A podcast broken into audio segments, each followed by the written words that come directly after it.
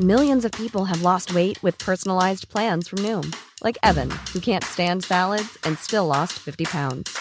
Salads, generally, for most people, are the easy button, right? For me, that wasn't an option. I never really was a salad guy. That's just not who I am. But Noom worked for me. Get your personalized plan today at Noom.com. Real Noom user compensated to provide their story. In four weeks, the typical Noom user can expect to lose one to two pounds per week. Individual results may vary. Normally, being a little extra might be a bit much, but not when it comes to healthcare. That's why United Healthcare's Health Protector Guard fixed indemnity insurance plans, underwritten by Golden Rule Insurance Company, supplement your primary plan so you manage out of pocket costs. Learn more at uh1.com. Cool fact a crocodile can't stick out its tongue. Also, you can get health insurance for a month or just under a year in some states. United Healthcare short term insurance plans, underwritten by Golden Rule Insurance Company, offer flexible, budget friendly coverage for you. Learn more at uh1.com. Gjenklang.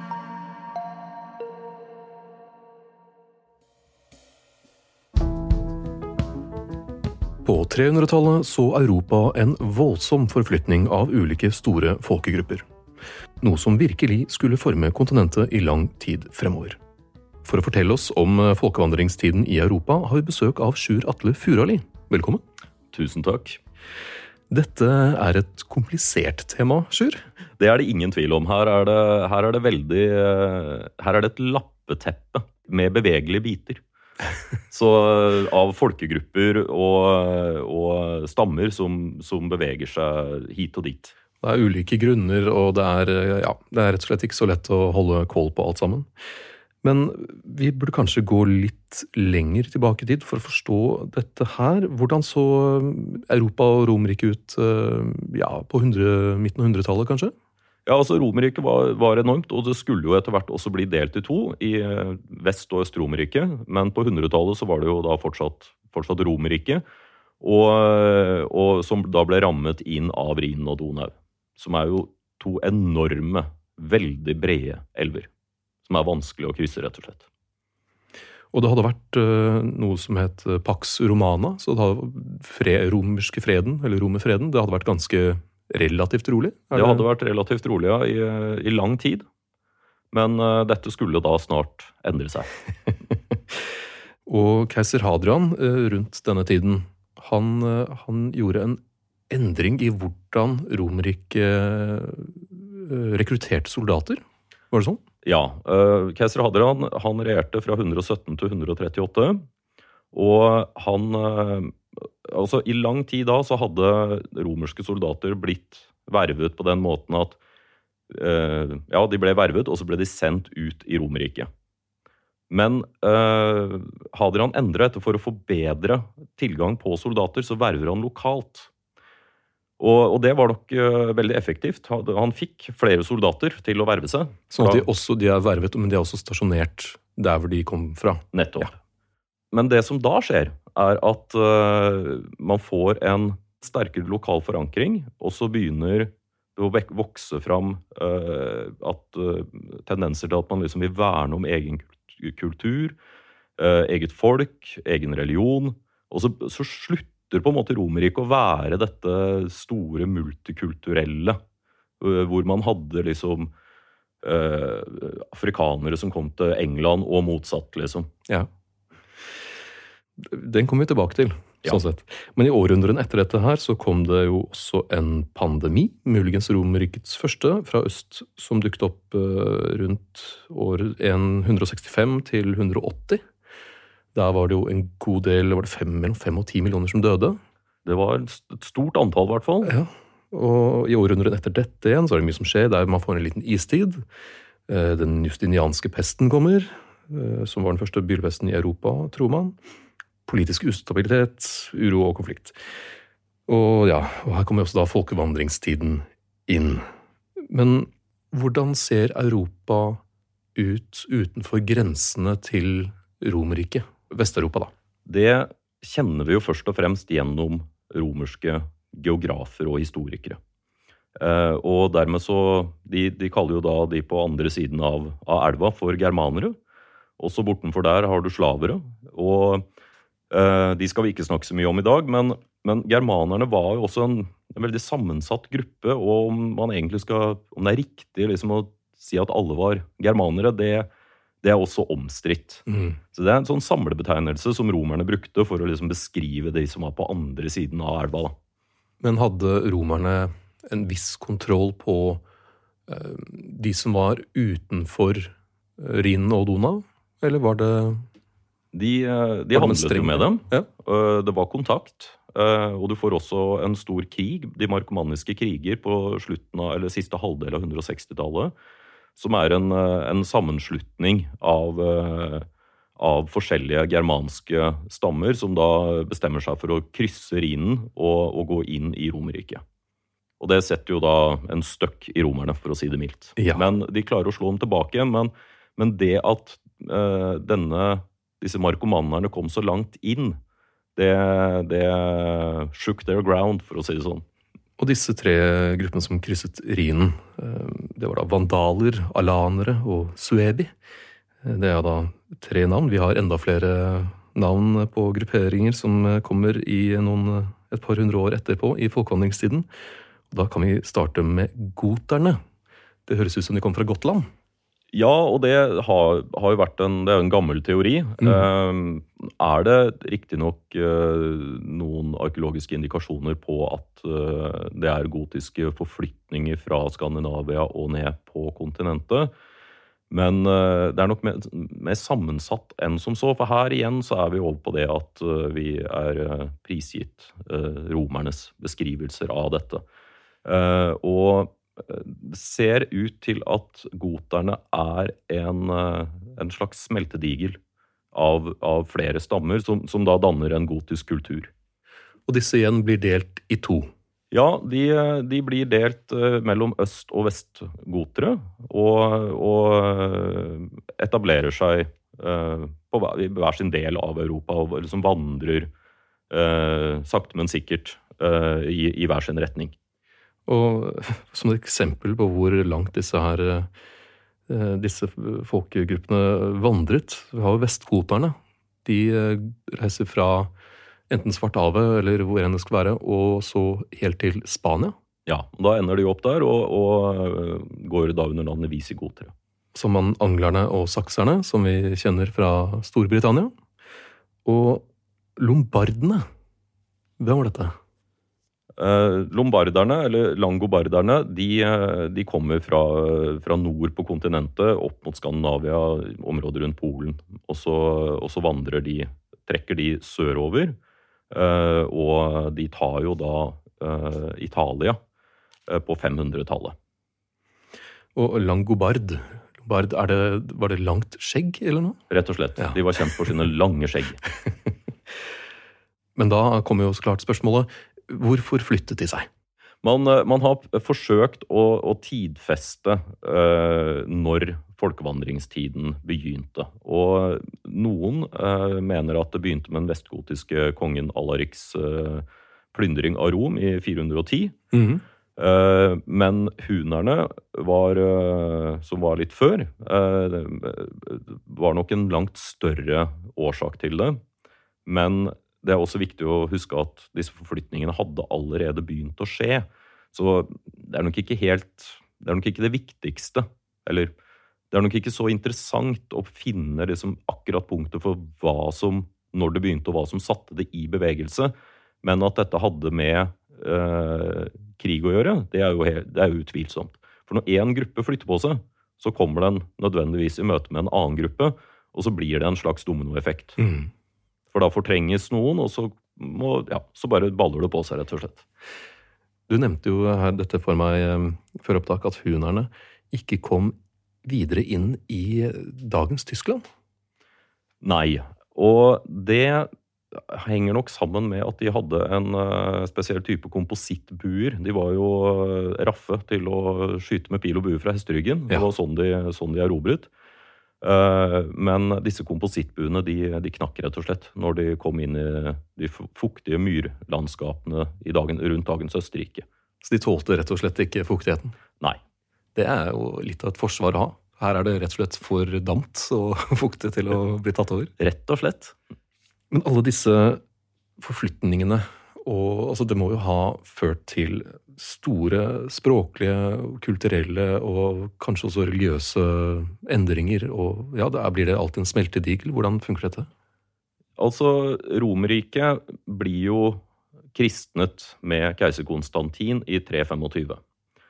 Og, og, da får man Men all, før det så hadde jo kristendommen bredt om seg. Og var, var etablert allerede i, i flere områder.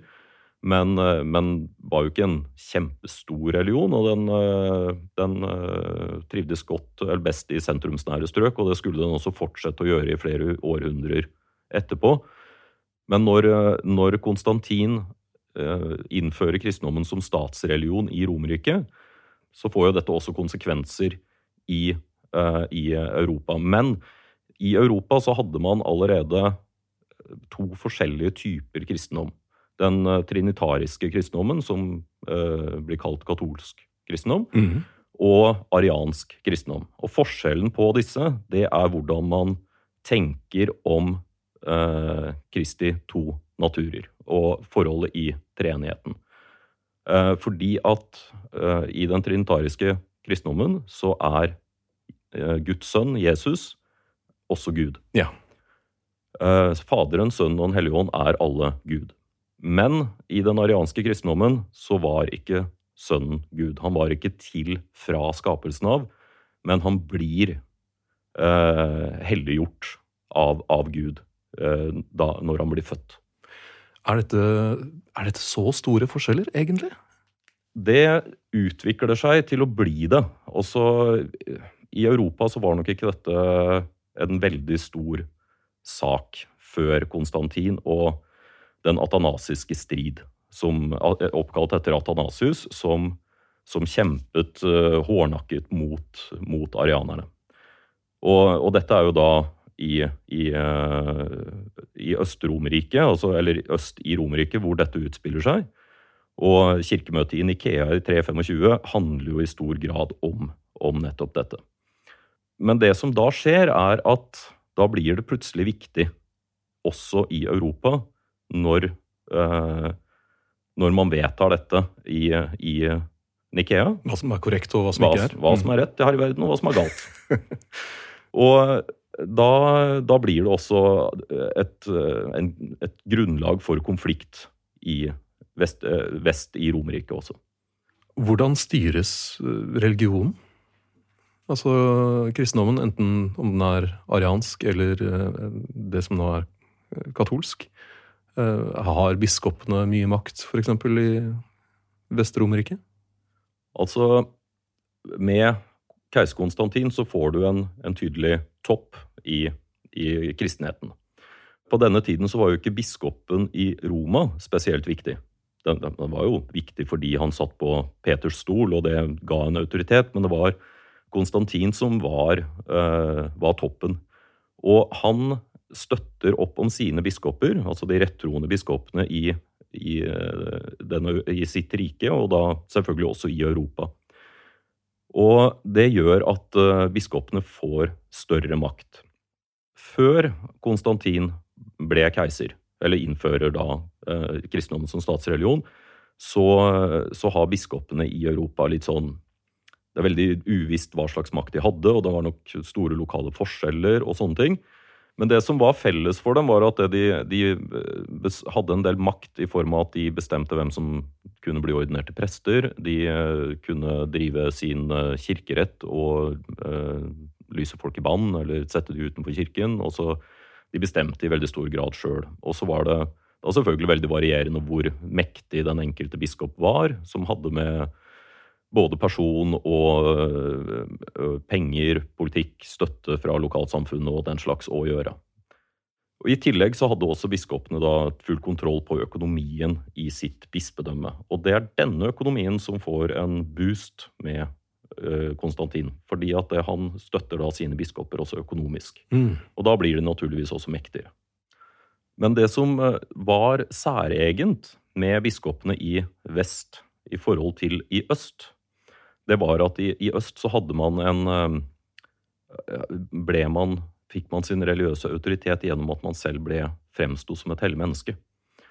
Mens i vest så fikk du jo autoriteten fordi du satt på dette bispesetet, og du var, du var valgt av uh, ditt uh, lokalsamfunn, på en måte, eller din, din slekt. da. Så aristokratiet begynner å innta disse bispesetene i økende grad. Og det gjorde at den religiøse autoriteten ble hentet på en annen måte. Men de måtte fortsatt ha en, en en, en grad av hellighet knyttet til sitt embete. Og dette er det da noen som mener at uh, er årsaken til at man får en så sterk helgenkultur i Europa.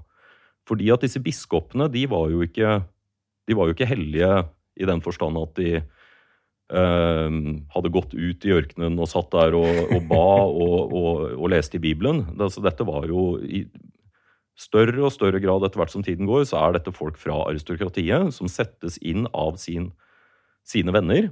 Eh, og biskopene i vest måtte da knytte sin religiøse autoritet til noe annet enn seg selv, fordi de ikke ble oppfattet som hellige i seg selv. Løsningen ble da å ta tak i døde mennesker og etablere helgenkulter. De kan ikke klage? De kan ikke klage, og de, de kan man også eie i veldig stor grad. For da knyttet man helgenkulter til sitt bispesete, og så hadde man full kontroll på det. Og i disse første århundrene her, eh, opp mot eh, altså i den tidlige middelalder, så er det sto, en stor overvekt av helgener som kommer fra aristokratiet. er dette samme periode hvor relikvier blir en, en stor greie? Altså Relikviene de eh, kommer nok senere. Da også, eh, man, man hadde jo relikvier, men, men, det var ikke en business. Eh, det blir det først noen århundrer senere, altså når man kommer litt lenger opp i, i høymiddelalderen. Hvordan var det for kvinner på denne tiden?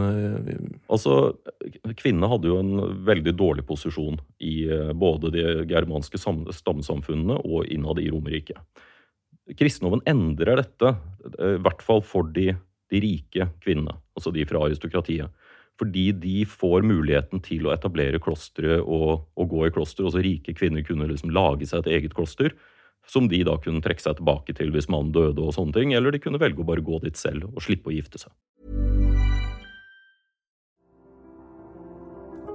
Hei, Christian fra Historier som verden her.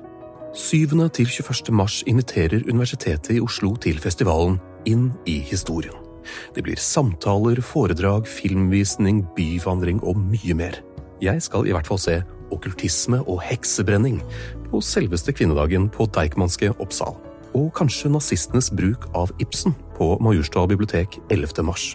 Det er masse som skjer, og faktisk så skal jeg ikke bare ha én, men to livepoder. 12. mars klokken seks på Deichmanske Romsås skal jeg snakke med Kjerstin Aukrust om det franske kolonirikets fall. Og dagen etter, 13. mars, også klokken seks, skal jeg snakke med Anders Bettum om da Europa ble så hodeløst forelsket i mumier og pyramider at det bikket over til egyptomani. Dette er da på Deichmanske på Nordtvedt. Dette blir kjempegøy, og det er utrolig mye bra på plakaten. Sjekk ut hf.uio.no eller så kan du bare google 'Inn i historien', så finner du hele programmet. Det er masse å se, og alt er gratis. Normally, being a little extra might be a bit much, but not when it comes to healthcare. That's why United Healthcare's Health Protector Guard fixed indemnity insurance plans, underwritten by Golden Rule Insurance Company, supplement your primary plan so you manage out of pocket costs. Learn more at uh1.com. Millions of people have lost weight with personalized plans from Noom like Evan, who can't stand salads and still lost 50 pounds. Salads, generally, for most people, are the easy button, right? For me, that wasn't an option. I never really was a salad guy. That's just not who I am. But Noom worked for me. Get your personalized plan today at Noom.com. Real Noom user compensated to provide their story. In four weeks, the typical Noom user can expect to lose one to two pounds per week. Individual results may vary. I denne perioden også så begynner det å dukke opp flere og flere klostre. Både nonne- og munkeklostre, for så vidt, men den store forskjellen her er jo at man får eh, kvinner som kan være religiøse autoriteter. er eh, disse germanske stammene, som da også er kristne, er de religiøst knyttet til f.eks. Roma og Konstantinopel, eller holder de for seg selv? Altså de, de blir jo uh, utsatt for misjon av, av enkeltmennesker. Uh, for den arianske fløyen så var jo Olfila, eller Wulfila, uh, veldig viktig. Men uh, markomannerne, som jeg nevnte så vidt tidligere, de uh, har jo da en, uh, en, dronning Eller de hadde en dronning som het Fritigil. Og hun er i kontakt med biskop Ambrosius i Milano og, og blir omvendt av ham. Så, så, dette, og da er det jo hun som dronning som også da gjør markomannerne til et kristent folk. Så det er helt tydelig at kvinnene har fått en en veldig mye sterkere posisjon med kristendommen, men her må det understrekes at dette gjelder overklassen. Ja. Var det, var det mest de germanske stammene som da var eh, altså, Som trodde på arianismen, eller var det også andre? Det, det, er jo på sett og vis disse germanske stammene. Fordi at eh, østgoterne, de kommer jo så langt ned Eh, langt sør at de, de, overtar store deler av Italia. Og eh, Theodorik den store etablerer jo da Ravenna som, som eh, et, et, høysete for ariansk kristendom gjennom at det er hovedstaden for, for østgoterne. Så arianismen var også stor i Italia? Ja, det er jo det den var, og det, dette viser jo på en måte hvor uh, mye flyt det var. Eh, og, og dette er jo lenge etter, at, eh, etter Konstantins tid. Dette er jo på slutten av 400-tallet, og, og Romerriket er delt i Vest-Romerriket og Øst-Romerriket. Og, og, så faller Vest-Romerriket i 476, og da øh, etablerer Theodorik den store altså sitt altså da, da, da vokser det østgotiske riket enormt. Men selv om det ble bestemt hva som var den riktige og den ikke-riktige kristne tro, så er arianismen såpass solid fortsatt? Ja, det, det, er den. Og det faller jo på sett og vis da med at eh, østgoterne fordrives. Ja. Men vi, altså vi, nå har vi gått gjennom eh, frem og tilbake tid og ulike ting. Eh, også flere ulike stammer, men vi må ikke glemme frankerne. For Romerike var jo delt opp i ulike områder, og et av dem var eh, Gallia, som er sånn cirka Frankrike i dag? Ja, mer eller mindre. Ja. Og i nord her, i dagens Belgia, var det en gruppe frankere som skulle ende opp med å bli ganske betydningsfulle? Det, det stemmer, og frankerne de er en, eh, det er en folkegruppe, eller en stamme, som, som dukker opp uh, ganske sent, altså på, på 300-400-tallet. Og, og, som egentlig ikke Det er nok også en sånn smeltedigel-ting, men de, de, de, holder da til i området rundt den eh, nedre Rhinen. Og med Vest-Romerrikets fall så er det flere historikere som tidligere har sagt at og det var, da kom The Dark Ages. Det var vel kanskje ikke helt sånn? Nei, fordi at uh, Europa fortsetter jo. Altså, folk fortsetter å leve sine liv. Altså, det, må huske at det som skjedde, var jo at uh, keiseren ble, ble avsatt. Og, og, så kom det en, en, ny inn. Men dette merket man jo ikke i noen særlig grad nødvendigvis. I hvert fall ikke med en gang. Men så begynner jo ting å svikte litt. Altså, man får ikke lenger kjøpt olivenolje i London etter hvert. Og og eh, det blir Du har jo ikke lenger én stor sent, sentralisert hær. Uh, det er masse som, masse som endres pga. dette, men det må ikke underkjennes at det satt en uh, At det eksisterte en stor gruppe uh, overklasse som ikke var interessert i å vike fra sine posisjoner, og som da tar over. Og her dannes etter hvert da liksom det Europa vi også fundamentet for det Europa vi kjenner i dag, etableres jo her. Og det som eh, heller ikke må glemmes, er at de i stor grad hadde kunnet dette med romerretten. Nå forsvinner jo romerretten ut som, som enheten romerretten, men de kjente jo til De hadde jo et juridisk system. De hadde jo eh, måter å drive rett på som, som eh, nedarves videre i, i deres egne uh, små kongedømmer, for å kalle det det. da. Så man får en, man får en annen rettslig orden, og det, det blir umåtelig viktig for det kommende Europa. Og Romerriket faller jo da 2.9.476. Romulus Augustus er keiser, og Odoaker han inntar, eh, inntar Rom. Og, og, og, setter seg selv som hersker over, over disse vestromerske områdene. Så går det ikke så veldig lang tid før Theodorik den store, østgoteren Theodorik den store, tar tronen fra Odoaker. Og blir i praksis en keiser over det gamle Vest-Romerriket. Og her kommer det litt an på hvordan man definerer begrepet keiser. Fordi at Theodorik den store han besitter jo hele det gamle Vest-Romerriket. Og omtales også som en keiser, selv om han kalte seg selv for konge. Og dette bringer oss jo da videre fordi at Theodorik den store, som vi skal snakke om i en senere episode, han erstattes jo på sett og vis av eh, Klodvik den første av merovingerne. Som da disse Merovingerkongene omtales jo som konger, men etter hvert får de også en slags keiserposisjon. For de har konger under seg igjen? De har et mektig aristokrati hvor, uh, som er veldig autonome innenfor sine landområder. Og har det man nok må kunne kalle en kongsmakt, selv om de ikke nødvendigvis hadde tittelen konge. Og så er det også viktig å få med at uh, selv om du kaller barna ditt for Romulus Augustus, som er det mest romerske du kan kalle deg, så er det ikke sikkert at uh, du forblir ved makten. Det er helt sikkert. Og fundamentet for, uh, for Frankrike, som vi kjenner i dag, det skal vi snakke om i neste episode. For da skal vi snakke om merovingerne, som da kom fra denne gruppen frankere som vi snakket om. Men eh, dette her var da en eh, kort oppsummering av eh, folkevandringen i Europa, og hvordan religion i Europa ble satt i spill av det. Tusen takk for at du kunne komme hit i dag, Sjur Atle.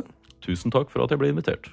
Så er det bare å gå inn på Historier som endret verden på Instagram for å finne bilder og fun facts og annet snacks. Og så hvis du ønsker å høre mer lokal historie, så er det bare å lytte til Historier som endret Norge. På gjenhør.